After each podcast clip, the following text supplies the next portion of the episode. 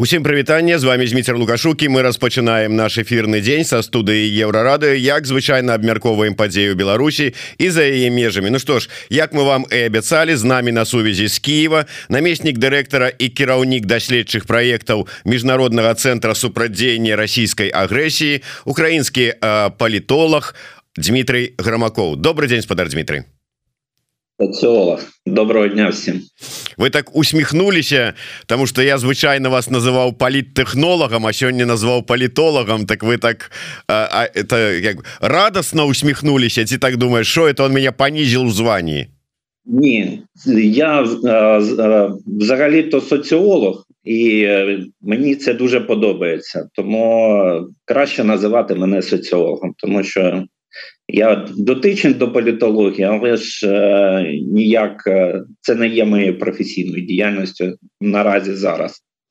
Э, Дмитрий давайте э, можа быть каб наши гледачы якія не зусім у курсе справы э, ну больш разумелі сітуацыю якое дачыненне вы на сённяшні дзень маеце да палка і мякастуся каліновска? Я разумею что вы у беларускай повестцы вы раз, там маеце контакты с беларускімі дэмакратычнымі сіламі с палітыкамі абсолютно рознымі. Але падчас сустрэчы с амбасадара по асобах даручэннях Украины Ігора кізіма с прадстаўнікамі полка каліновска і вы былі на гэтай сустрэчы у якасці каго Ну якщо ви пам'ятаєте то ми говорили про те що на конференції полка в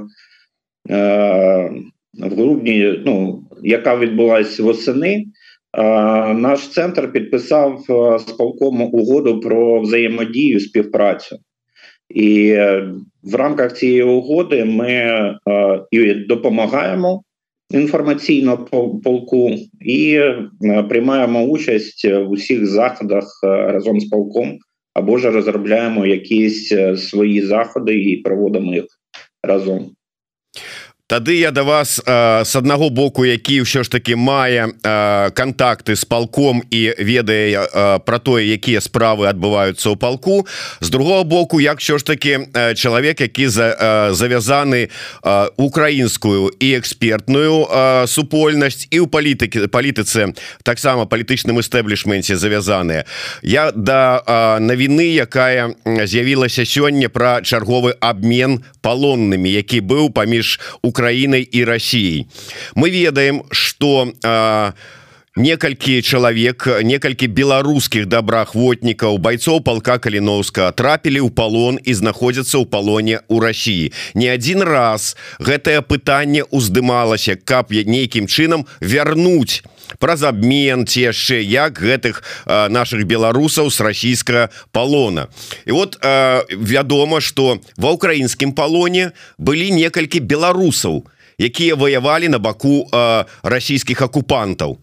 І вот э, стала вядома что гэтых беларусаў абмянялі іх вярнулі у Росію гэта беларус Макссім запека які трапіў у палон яшчэ ў 23 годзе под мах бахмутам. І Макссім зязюльчык былы вайсковец прыватнай вайсковай кампаніі редут іх перадалі беларусаў назад не атрымалі Чаму вот можна ёсць тлумачэнне чаму вот это так адбылося Ну перш за все кожен обмін це результат якихось перемовин і домовленості тобто не Україна визначає кого буде передавати російська сторона це визначається росіянами Україна може пропонувати вибачте, або ж е, е, там надавати да, е, і пропонувати до обміну е, якихось осіб. Але ж е, остаточне рішення, кого міняють і кого на кого будуть міняти, це все ж таки рішення російської сторони. І тут е, питання е, в тому, що е, нарешті цих бійців російськ для російської сторони, як і для білоруської, немає а, сенсу віддавати на обмін, тому що ця тема з тією регулярністю, з якою вона з'являється на пропагандистських каналах, або ж, ну, скажімо так, несе загрози і це уязвимість іміджової складової полку Калиновського, який завжди там. Ну, якому дорікають, що вони не в змозі поміняти своїх добровольців, і на жаль, це дуже складне питання і для українців, і для білорусів. Це питання того, наскільки готові росіяни міняти саме цих людей. Це якщо коротко. Якщо там детальніше вдаватися, то виходячи з того, що ну скажімо так, і білоруська сторона, і російська сторона підтримують е, ті форми і методи боротьби, наприклад, Хамасу, то е, якщо щось трапиться з їхніми там громадянами, які мають цінність де-небудь за кордоном або що десь, то можливо це і може стати а, темою для обміну якогось. Тобто тут потрібно е, спиратися не тільки на українську сторону і українську волю, але ж і розширювати е, форми і методи боротьби з, за цих людей. Тады яшчэ одно пытанне на актуальную тэму. Гэта звязаная с заменай галоўнакамандуюча залужнага. Скажите мне як сацыолог і в прынцыпе як чалавек які ведае что адбываецца ў грамадстве як украінскае грамадства с аднаго боку успрыняло гэтую замену аднаго галоўнакамандуюча ну, залужнага на сурскага. І другое я разумею что пол каліновскага у прынцыпе ён падпарадковваецца гур але замена галоўнакамандуюча нейкім чынам адаб'ецца на беларускіх добраахвотніках ці не Ну я не думаю, що заміна головнокомандувача якось відіб'ється на е, білоруських доброходниках. Тобто вони як воювали, так і будуть воювати, і е, ну, з, з точки зору забезпечення в, в них там є свої джерела і вони їми там користуються і навряд чи щось зміниться. З точки зору е, спрощення процедур, ну можливо, е, там щось стане е, і простіше, але ж це не питання головнокомандувача, це питання скоріше до там гуру. Але ж е, можливості е, для участі в бойових діях вони будуть, е, ну я сподіваюся, трохи розширяться, тому що в рамках сухопутних військ України існують теж там другий, третій, по-моєму, і четвертий інтернаціональні легіони, де воюють е, громадяни інших держав. І це може там е, спрощити да, або ж повеличити кількість місць, на які можуть заходити е, білоруські доброходники. Е, давайте да е, такой асноўнай прынцыпе тэмы тады нашай раз нашай размовы якую мы запланавалі ад пачатку. Гэта прызначэнне ўжо ўзгаданага нами Ігора кізіма амбасадарам по асобах даручэннях па па Беларусі.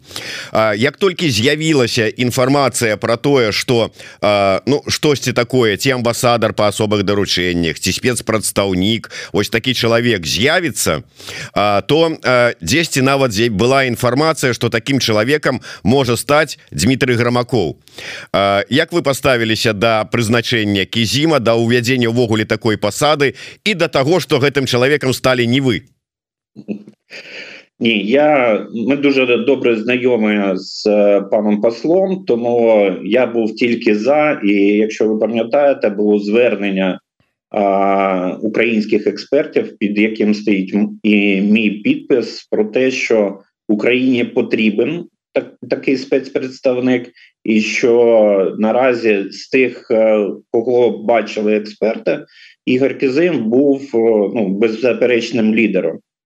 Тому е, я взагалі там не думав, що це буде моє призначення, але ж я не маю дотичності до Міністерства закордонних справ, і тому міністр мабуть, і міг запросити мене, але ж це позиція для професійного дипломата. І е, Ігор Юрійович е, на цій посаді він дуже е, ну, така, таке вдале рішення, і людина, яка розуміє, що відбувається і що можна з цим зробити. Плюс він є офіційною особою, тобто в нього статус посла з по особим дорученням. В мене статуса посла немає, і навряд чи якби, воно воно зараз там з'явиться із-за того, що йде війна, і, скажімо так, дипломатична служба це а, трохи інше, аніж та боротьба, яку ми ведемо а, в політичній і, скажімо так, в інформаційній площині. Ну ведаеце зараз вельмі шмат чаго цікавага адбываецца ва ўкраіне калі скажем там генералу залужнаму. Ну калі верыць там прапаноўвалі пасаду посла у Великабрытані Ну вот генерал а раптам посол там ці іншыя прызначэнні якія часам былі выклікалі шмат у каго здзіўлення але гэта унутраная справа Украіны мы ў іх не лезем. Я просто до того что калі б зрабілі послом грамакова ніхто б не здзівіўся такія рэаліі жыцця. Але давайте может быть про іншае Чаму вы былі за тое каб такая такі чалавек з'явіўся? Таму что шмат мы казалі з вами у тым ліку і з вами з вашим калегам Евгеном магдам с іншымі экспертамі про тое что у афіцыйнага Киева нема стратегії адносна Беларусі адносна беларускіх дэмакратычных сілаў взаимодзеяння з імі і гэтак далей. Прызначение такого человека это означае что такая стратегія з'явілася ці що гэта означае це означає що настав час для того щоб така стратегія дійсно з'явилася і не просто з'явилася а почала якось реалізовуватися на практиці е, на офіційному рівні і тому призначення е, Кізіма це дуже важливий крок встановлення наших е, і відносин, і, скажімо так, визначення цієї стратегії.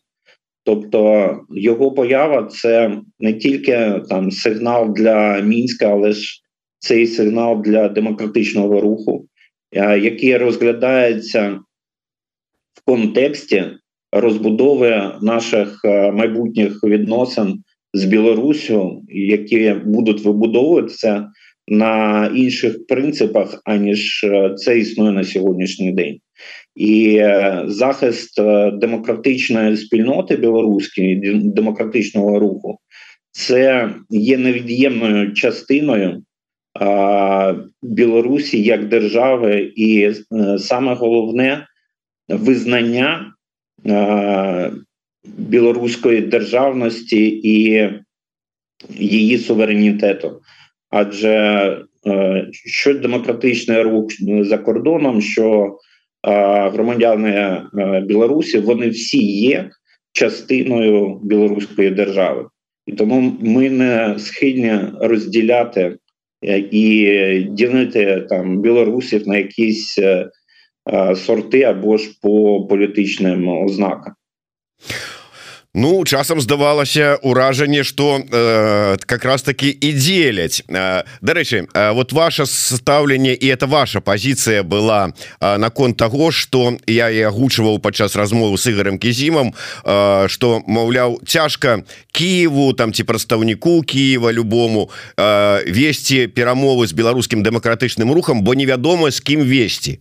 Сёння гэта можа быть тихохановская завтра латушка паслязаўтра пазняк там яшчэ хто кто-нибудь маўляў стварыце адзіны цэнт аб'яднайцеся гэтае пожаданне не будем это называть патрабаваннем пожаданне застаецца ці ўсё ж таки можна весці размовы і с дэмакратычнымі сіламі ну у тым стане у якім яны знаходзяцца Ні, розмови можна вести в будь-якому стані з ким завгодно. Питання в тому, про що ці розмови. І коли Україна каже об'єднайтеся, вона каже, це не там визнайте там чи там увійдіть всі там в партію Тихановської, в партію там Пазняка або ще когось, і хай ця партія, вона там або цей лідер буде визначати ну, політику да, Білорусі по Білорусі по відношенню до України. Це питання визначення, скажімо так, людини, яка буде носієм білоруської концепції і білоруської стратегії, яку якої всі білоруські демократичні сили сили зможуть довірити саме репрезентацію їх демократичного руху як єдиного руху, який ну, з, який змагається за розвиток демократичної Білорусі. Тобто це носій цінностей, а не політична фігура, яка пооб'єднала в себе інтереси усіх. Це неможливо. А з іншого боку, ну, президент не може зустрічатися да, там, окремо там з Тихановською, окремо з Позняком, окремо з Латушко, ще з кимось хто намагається до нього з білорусів е, прийти. Та? Ну, Тобто, от, ну, всі були у, поля, у Подоляка. Ну, от Всі побували, кожен е, щось розповів, а ну, далі нічого немає. І немає не тому, що немає е, там інтересу з боку України. А немає тому, що люди не розуміють, з чим вони їдуть до посадовців такого рівня. Єдиний как би, такий вдалий проєкт це був проєкт Латушка з дітьми і з ролью Білорусі в вивіз, вивезенні цих дітей. От. Тому тут питання в тому, з чим люди їдуть і навіщо. Там, Повертаючись до візиту Тихановської, так. Вона не розглядається сьогодні і не може розглядатися як офіційна там особа, офіційний президент Білорусі для того, щоб їй забезпечували зустріч на офіційному рівні по тим вимогам, по яким які вони там виставляють українською українському боку. Чому Чому Байден може, а Зеленський не може? Тому що у Байдена є на це час, а у Зеленського нема на це часу. І тут е, мені е, ну как би теж позиція, і і виникає питання: ми розуміємо, навіщо це потрібно е, там Тихановський, але навіщо це потрібно президенту? Навіщо це потрібно Зеленському? На це питання відповіді немає ані у Білорусі, ані українського боку. Ну а вот дарэчы Ігор кізім падчас размовы А мне падаецца добрую думку з гэтай нагоды сказаў про тое что трэба думаць стратэгічна і на будучае не то что сённяшнім днем да сёння самое галоўнае для Украины і не только для Украины а, гэта адбіцца от маскоўскага акупанта але ж трэба думаць і на заўтра і на паслязаўтра Ну трэба думаць але ж вынікі з цих зустрічей ну Президент це фігура, яка е, повинна привносити щось в перемогу. Питання винику цієї зустрічі для перемоги. Е, воно основне. І до того ж, для того, щоб е, навіть дати там електорально який, якийсь плюс е, для українського президента, е, необхідно, щоб вона якось опікалася, і ми бачили, що вона опікується саме білоруським питанням. Тобто, коли коли бійці полку е, запрошували її на конференцію, питання стояло, щоб вона могла показати, що їй ці бійці е, ну, потрібні, що вона з ними, і що е, там її візит е, на конференцію це в першу чергу е, опікування своїми людьми. Але ж офіс, е, ну, все одно вони е, там розказували про рівень конференції, про присутніх на конференції. Тобто якісь статусні позиції виявилися важливі, важливішими, аніж люди, до яких би вона приїхала, з якими би вона спілкувалася, від імені яких вона б зверталась до українського президента. Э, да сапраўды пытанне вельмі складанае. Я асабіста выкажу сваё меркаванне. Я асабіста за тое каб ціхановская сапраўды сустрэлася з просто з байцамі палка каліновска. Я за гэта. З іншага боку я чую там і не адзін раз і ад таго ж самого франыка вячоркі ад іншых прадстаўніковы офіса і кабінета пра магчымасці і немагчымасці паехаць менавіта ў Кіев яе. Слухайте я не ведаю я ў протаколах гэтых не разбіраюся таму хотя вот я ж кажу я за тое каб сустрэча такая была. Але давайте вернемся до кізіма Ігор Кізім сказаў что ну і гэта відаць просто ну у яго паўнамоцтвах і ў яго задачах что ён будзе сустракацца. От дарэчы і калі мы з ім гаварылі яшчэ сустрэчы з палком каліновска не было і ён мне казаў я хочу сустрэцца і з манько прадстаўніком кабінета по в Украіне і з палком каліновскага і ў варшаве з кабінетам і у вільні з офісам і ціхановскай Ну вот ужо с манько і з каліноўцамі сустрэўся яшчэ варта чакаць э, поездки э, там сустрэчы у варшаве і ў вільні.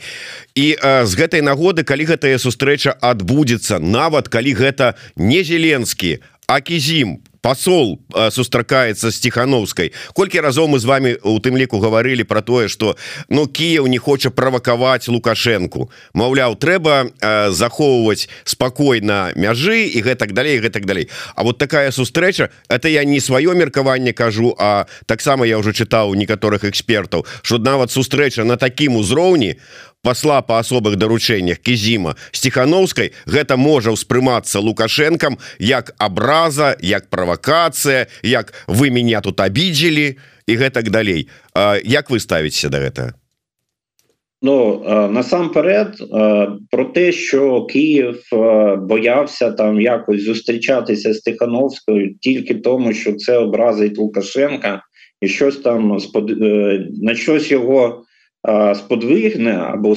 щось стримує, коли ми не зустрічаємось. Це міф, який е, придуманий самими білорусами для того, щоб виправди, виправдити е, поведінку Києва відносно е, Тихановської як лідерки опозиції. Е, тому це чиста вигадка і не є правдою. І ця зустріч вона ніяким чином не може вплинути на політику Лукашенка відносно України тільки з одної позиції: з позиції того, що Лукашенко на цей час не контролює свою територію і не відповідає за е, те, чи буде або не буде наступ з його території.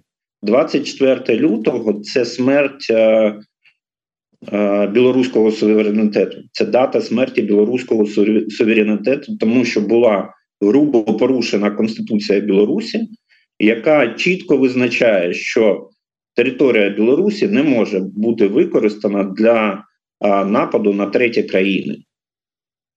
Російські війська розрушили конституційний строй Білорусі на цей час. Білорусь як держава не існує, не існує Лукашенка як президента Білорусі, тому що не існує Конституції Білорусі.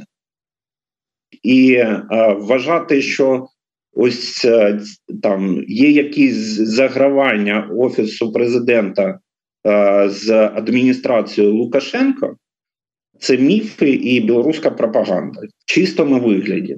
А калі мы говорим не про офіс прэзідэнта зеленскага а про спецслужбы СБУ напрыклад ці якія-нибудь іншыя службы ми можемо тут казати лише про корупційні зв'язки українського якогось там кримінального бізнесу е, з там економічними інтересами мінська і про те, що вони можуть лобіювати якісь окремі речі для того, щоб цього не відбувалося.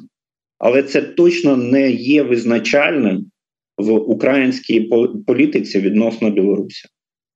Дарэчы вось быў каментар ад глядачкі под нікам Карына на мове арыгінала прочитаю есть озвученная информация конечно неофициальная но все же что силовые структуры Украины договорились с режимом лукашенко маецца на увазе что полк калиновского будет в рамочках ну відаць что ён будзе пэўнай колькасці і не больш затое там может быть нікуды не пойдзе а режим будзе а режим будет нейтральны к Украіне вот ці чулі вы такія дамоўленасці неафіцыйныя не, не можуть ці домовленості існувати бо українські спецслужби підпорядковані напряму президенту і тому всі ці домовленості можуть бути лише або корупційними, або антидержавними, і підпадають під 111 статтю Кримінального кодексу Державна зрада. Це по-перше. По-друге,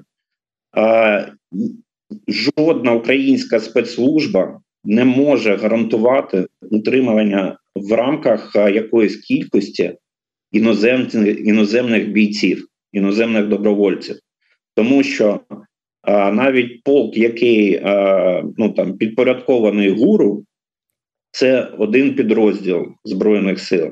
А є ще легіони іноземні, які підпорядковані ЗСУ, які в цих домовленостях не приймають участі.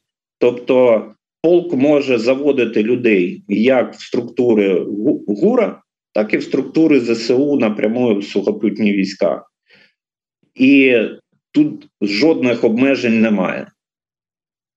І е, виходить, що е, ось ці всі чутки, які розповсюджуються про якісь там таємні домовленості, це лише е, робота над те, щоб підірвати довіру білорусів до українців. І підірвати, вплинути на відношення українців до свого військово-політичного керівництва що воно там щось десь з кимось домовляється, а ми про це не знаємо. Тому ніяких таких домовленостей бути не може. Вони їх неможливо виконати з точки зору України і ситуації в Україні жодним перемовником. Я так розумію, що і Лукашенко не має сенсу з кимось домовлятися, бо все одно це не буде ці домовленості українська український бік не зможе виконати. Дарэчы я вот яшчэ хацеў бы такі нюанс удакладніць сама пасада амбасадара па асобых даручэннях вот кажа што гэта нарэшце ўжо такі ну чалавек контакт якім з якім можна наўпрост кантактаваць якім свае там пытанні праблемы і каб потым яны ішлі каб не ішлі вот як вы сказали там шукаючы нейкіх контактаў усе там да падаляка то Дарэчы вы ведаеце маё стаўленне не вельмі пазітыўнае да гэтага былога супрацоўніка газеты Праўда гайдукевича але тым не менш вот все ж таки які гэты ўзровень зараз? Что дасць напрыклад ну вот умоўна кажучы Валеры кавалеўскі сустрэнецца с ігарам кізімам і на які ўзровень потым вот это тое что ён перадаць вот этот контакт далей можа вывесці? На любы. Тобто статус посла по особих дорученнях він дозволяє з позиції Міністерства закордонних справ спілкуватися з усіма суб'єктами офіційними в Україні. Тобто, це такий як хаб, куди ви можете звертатися, і е, де ви можете розпрацювати механізми вирішення а, ваших питань. Тобто, де вам підкажуть, куди вам звернутися, з яким листом, яка ситуація, яке бачення там того чи іншого міністерства на або відомства на цю проблему. Але ж тут питання повертаюсь в тому, з чим він приїде. Рівень може бути е, різноманітним. Якщо він приїде з Хаймерсом, то він може і з президентом зустрітись, грубо кажучи. А якщо він приїде просто для того, щоб сфотографувати, е, сфотографуватися і поїхати, то він може зустрітися ось з Кізимом, сфотографуватися. І це офіційний представник України, який а, там може казати, що ми з ними співпрацюємо. Ну, ось так це виглядає зараз. І так це виглядає, я думаю, в будь-якій здоровій системі е, взаємовідносин, яка вибудовується, якщо вона є взаємовигідною і е, взаємно приємною.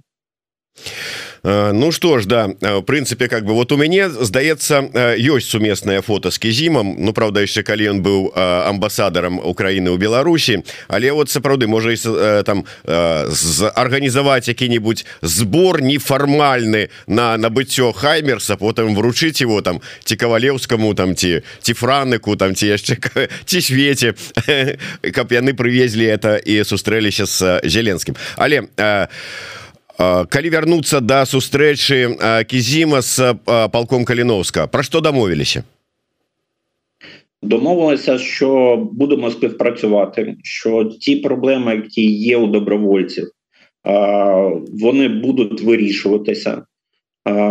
Вони були проговорені.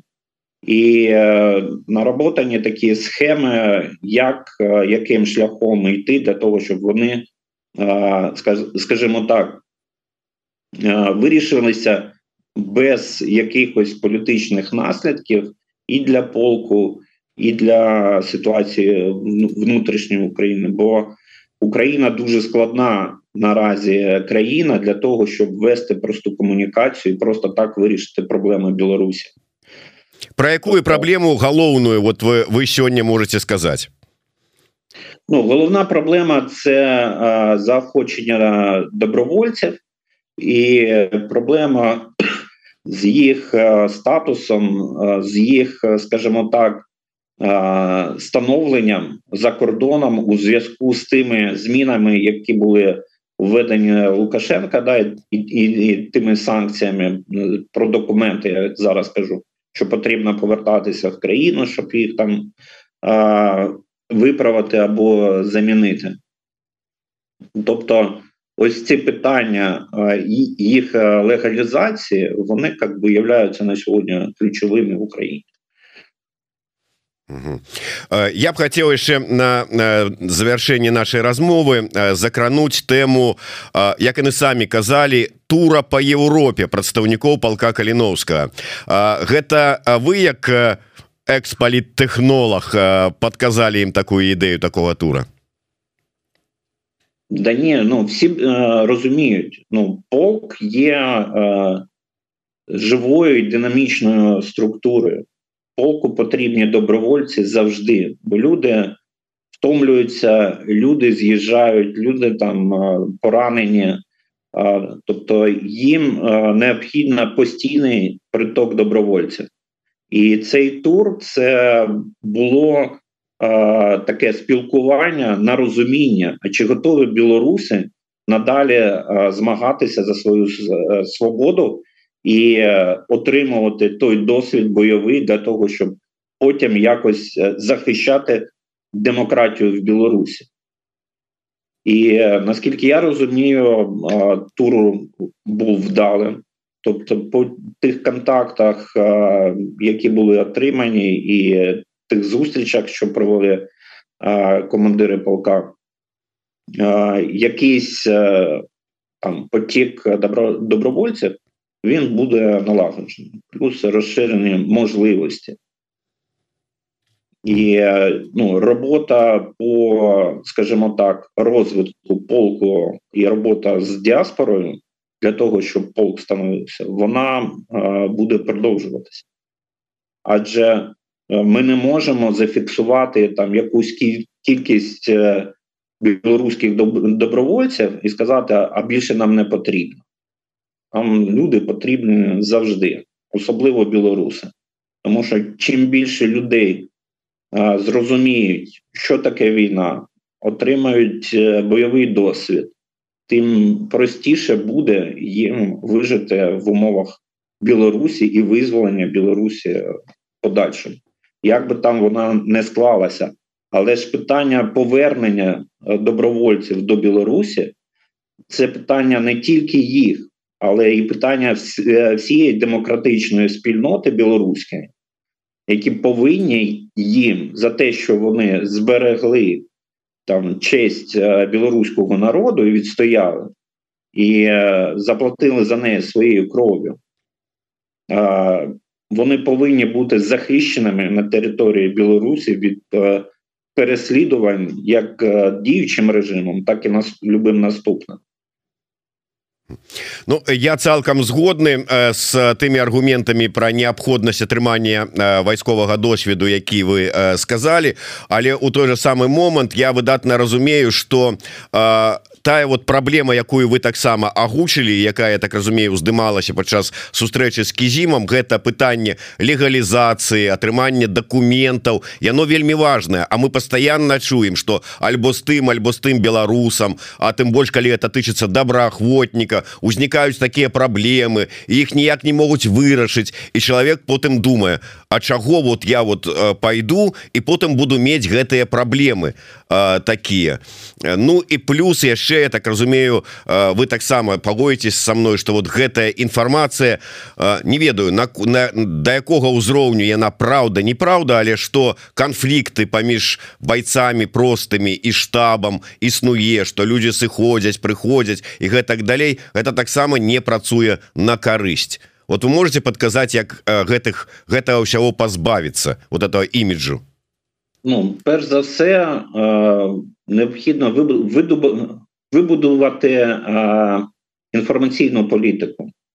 І е, насамперед, е, це питання до білоруської медіа спільноти, що вона хоче отримати з публікації цих скандалів.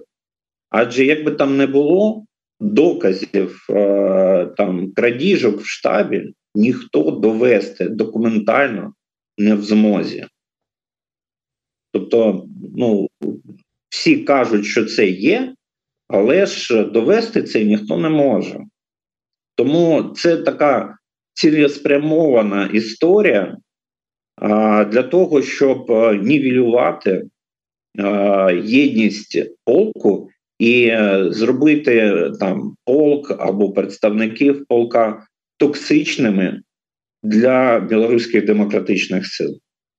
Тобто, чого з ними зв'язуватися, в них там вічно е, якісь скандали, якісь звинувачення, якісь е, ну, бульбасуперечки і все, і все таке інше.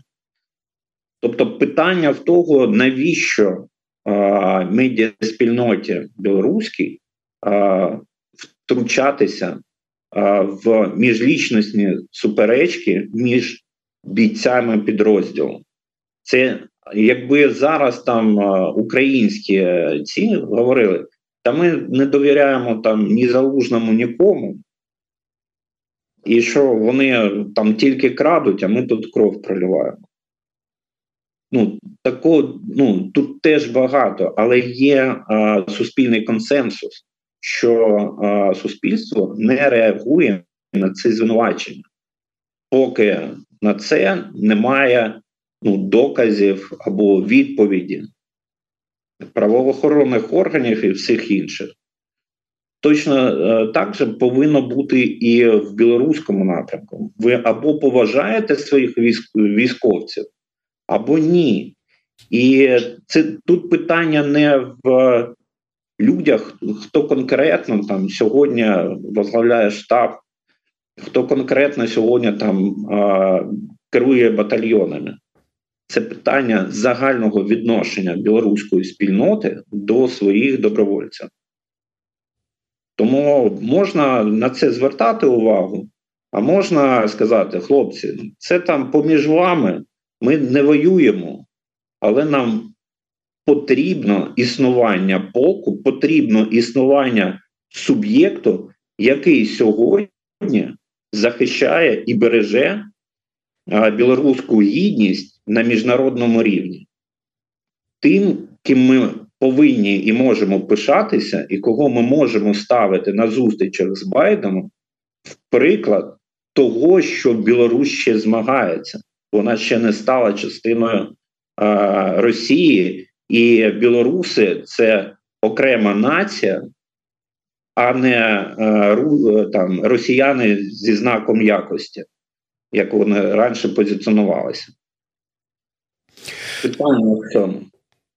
так Дякую вялікі Ну у прынцыпе как бы можна было б э, яшчэ нешта абмяркоўваць спрачацца на пэўныя тэмы але я так гэта ўсё такое сапраўды як кажа э, спадар Дмітрый можа э, узнікаць у спрэчках а можа і э, і не заўважаць на гэта а Я вот просто цікава ваше меркаванне пыталіся у нас тут у каментарах ці будуць абмяркоўваць тут зараз сустрэчу Карлсона і малыша.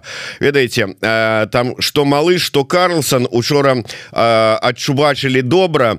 Э, шмат асабліва там у малыша было розных цікавых спроб там гістары гісторыю нам расказаць про великкае княства літоўскае хто там Украіну стварыў. Але у звязку з сённяшняй размовай мяне просто зацікавіла один момант. На па словах Путина найбольшая колькасць замежных бойцоў ва ўкраіне гэта на першым месцы палякі на другім месцы амерыканцы на третьем месцы грузины здаецца я чуў афіцыйную інфармацыю с украінскага боку что найбольш замежнікаў воюе на баку Украіны беларусаў то гэта ён как бы беларусаў з палякамі перапутаў ну по сваёй традыцыі там старческая деменцыя ці што вот ці ці ўвогуле вы что-нибудь з нагоды гэтага інтэрв'ю хотели пракаментаваць Ну хотілося б е, довести одне, що е, ажіотаж навколо цього інтерв'ю створений штучно російською пропагандою,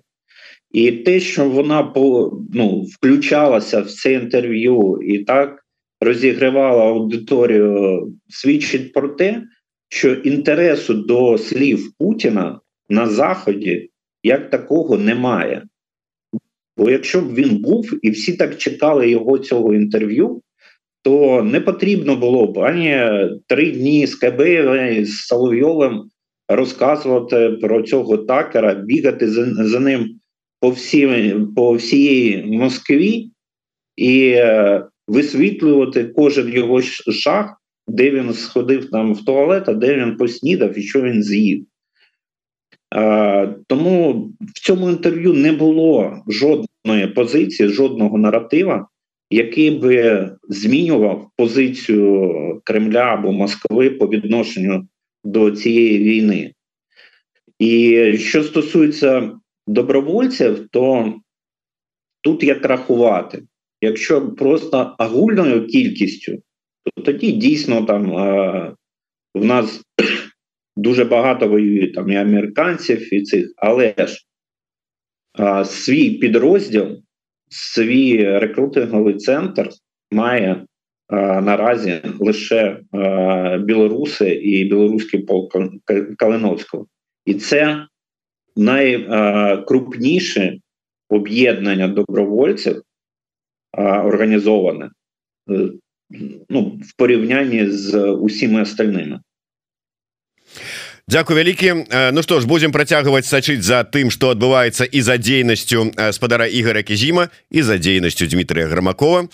Таксама Ну а вы сачыце за еўрарадыо за нашими эфірамі. Для гэтага тыя кому гэта бяспечна подписывайтеся на YouTube канал еўрарадыо ставце свае падабайкі расшарвайте Ну і дарэчы я таксама параю подписывайтеся на сацыяльныя сеткі у телеграм-канале ці там скажем YouTube канале палка кастуся каліновска і іншых беларус беларускіх добраахвотных аб'яднанняў того ж самага беларуска добраахвотніцкага корпусу а, Так что дзякую вялікі гаспадар Дмітрый да сустрэчы слухайте глядзіце нас. Жыве Беларусі слава Украіне героям слава. Жыве вечна